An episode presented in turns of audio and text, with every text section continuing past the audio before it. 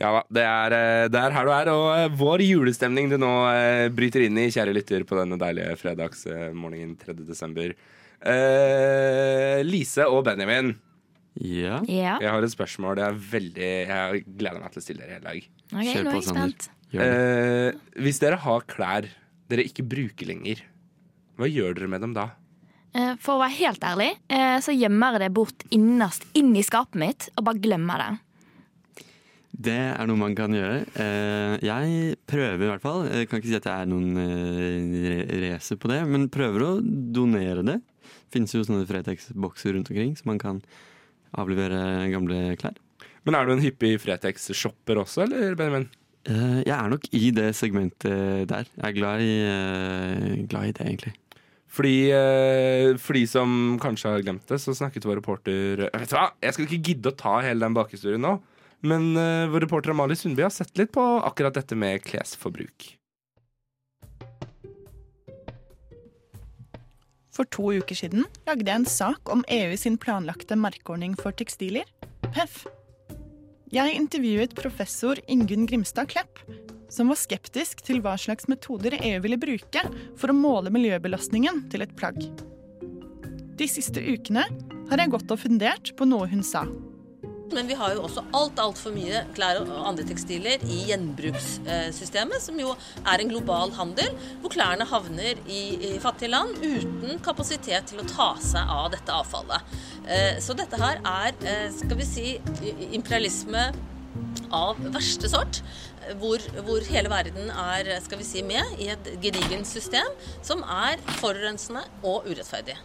Vent litt, burde vi ikke levere inn de brukte klærne våre til innsamling? Hva skjer egentlig med det vi leverer inn til Uff eller Fretex? Fretex er nøye med å bruke ordet gave om klærne vi leverer inn. Altså ikke avfall. De ber om at vi leverer hele, rene og tørre tekstiler i deres innsamlingsbokser. Av de 50 tonnene tekstiler Fretex får inn hver dag, sorteres rundt 10% av klærne her i Norge. Resten eksporteres til sorteringsanlegg i utlandet, hovedsakelig i Øst-Europa. Arnt Willy Gjelle, som er leder for bærekraft og innovasjon i Fretex miljø, forteller at de får best pris for poser som ikke er åpnet. Dette kalles original i den internasjonale handelen. Grunnen til at de uåpnede posene er mest verdifulle, er at det da er større sannsynlighet for at de inneholder de store gjenbruksskattene, som på bransjespråket kalles kremen. I gjennomsnitt representerer kremen 10% av vekten til originalen, men 53% av verdien. 99% av originalposene som sendes ut av de nordiske landene, går til EU-land i Øst-Europa for sortering. Siden avfallsbehandlingen i EU er styrt av sterke reguleringer, kan det antas at alt avfall fra sorteringsprosesser i EUs medlemsland vil bli behandlet ansvarlig. Det forventes at mesteparten av tekstilene som sendes videre ut av Europa, er av såpass kvalitet at de kan selges videre til gjenbruk der. I et studie fra Malavia fant man i 2016 at 99% av tekstiler importert fra Europa blir godkjent for salg i detaljhandel og på markedsplasser der. Ifølge Oxfam, en britisk organisasjon som tilsvarer Fretex, er den globale handelen med brukte klær verdt mer enn en milliard dollar årlig. Men hva med klær som er hullete eller ødelagt? I 2014 sa Fretex at vi gjerne kunne levere også disse tekstilene i deres innsamlingsbokser. Dette sammenfalt med at myndighetene oppfordret forbrukere om å ikke kaste tekstiler i restavfallet. Slitte klær kan bl.a. bli til støydempende matter til biler og hvitevarer, og forsterkningsfibre til byggebransjen. Problemet er at antallet produkter som kan lages av slitte stoffer, ikke samsvarer med mengden av tekstiler som leveres inn. Iallfall ikke foreløpig. Problemet med overfylte lagre og manglende kapasitet til å ta imot ødelagte klær har blitt så stort at det har fått et eget navn, nemlig tekstiltsunamien. EU har kommet med mange nye krav og retningslinjer for håndtering av tekstilavfall, som skal innføres fra 2025. Et av kravene er at ødelagte tekstiler ikke skal kastes i restavfallet. Fretex er i gang med et pilotprosjekt i Oslo og Stavanger. I noen områder i Oslo står det ifølge Avfall Norge allerede to Fretex-bokser ved siden av hverandre. En til brukbare klær og en til det som er ødelagt. Målet er å skape to strømmer.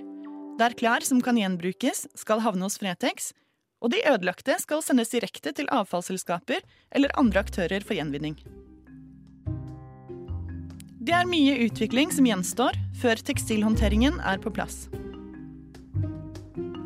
I mellomtiden har Håkon Bratland fra Avfall Norge to råd til forbrukere som vil gjøre en innsats for miljøet. 1.